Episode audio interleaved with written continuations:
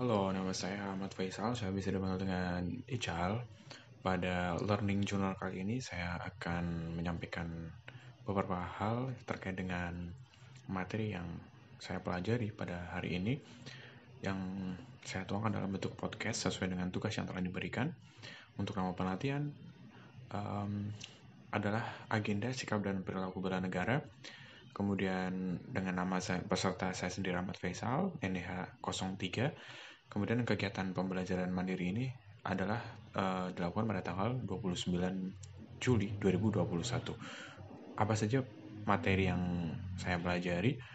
Langsung saja kita ulas dalam podcast kali ini.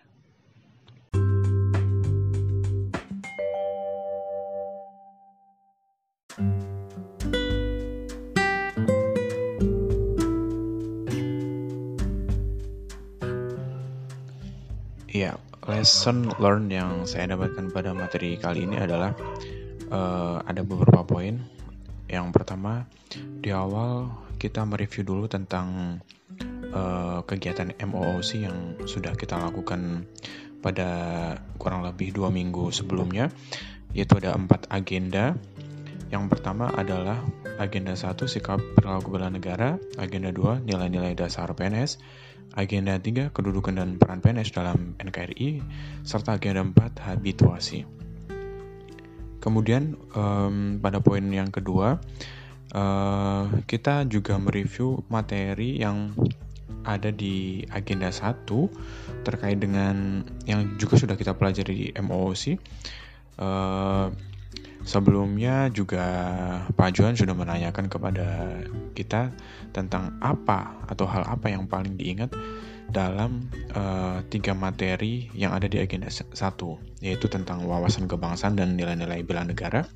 Kemudian ada juga materi tentang analisis isu kontemporer, serta materi tentang kesiapsiagaan bela negara.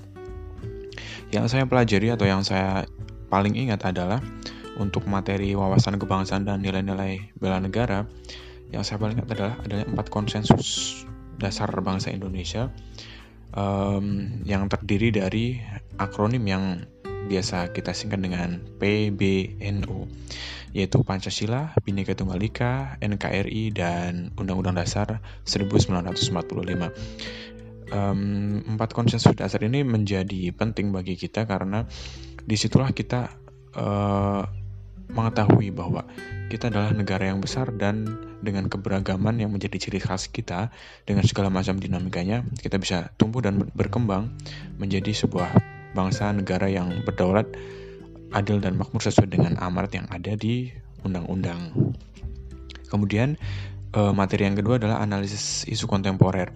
Yang paling saya ingat di materi ini adalah tentang adanya perkembangan teknologi. Isu kontemporer yang sangat-sangat familiar saat ini adalah tentang perkembangan teknologi di mana teknologi berkembang begitu cepat dan ASN juga menjadi salah satu objek ataupun salah satu bagian yang tidak terpisahkan karena dalam mengurus negara tentu saja kita harus uh, ikut serta dalam perkembangan teknologi untuk memudahkan pelayanan publik yang bisa kita lakukan.